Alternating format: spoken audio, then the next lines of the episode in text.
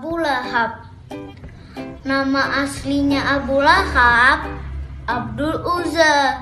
Dia dipanggil Abu Lahab karena pas marah mukanya merah kayak api.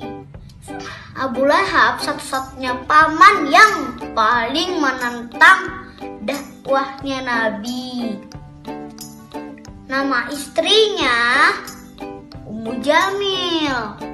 Pasang suami istri itu kaya. Pas Nabi Muhammad berusia 40 tahun diangkat menjadi rasul. Dia naik ke Bukit Sofa. Orang-orang berkumpul. Terus Nabi Muhammad bilang kayak gini. Terus disampaikanlah terus sampailah ke istrinya. Istrinya menyampaikan itu ke Abu Lahab. Terus Abu Lahab marah. Padahal mereka nggak tahu. Padahal itu ayat-ayat yang diturunkan oleh Allah untuk peringatan kepadanya.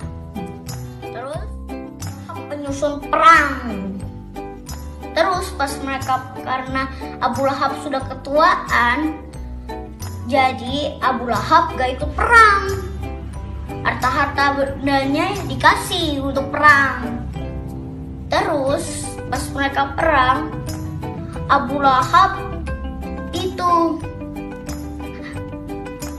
sekal berkeliling sekitar rumahnya terus ketemu Ummu Fadel Ummu Fadel bersama budak ngapain aku perang aku cuma cukup harta-hartaku yang menggantikannya terus pas mereka pertengahan bicara datanglah seorang yang habis apa tuh pulang medan perang terus Abu Lahab nanya kayak gini Gimana hasil perang? Apakah kita menang? Kita tak kita, kita kalah tuan. Kita kalah Abu Lahab. Jumlah muslimin lebih dikit. Terus mereka dibantu oleh pasukan berkasah putih. Terus budaknya tuh bilang kayak gini. Itu pasti mal malaikat-malaikat yang dikirim oleh Allah untuk membantu muslim. Abu Lahab marah terus memukul budaknya. Karena Ummu Fadel nggak tahan dipukul terus budaknya. Dia ambil kayu besar dia pukul. Begitu pulang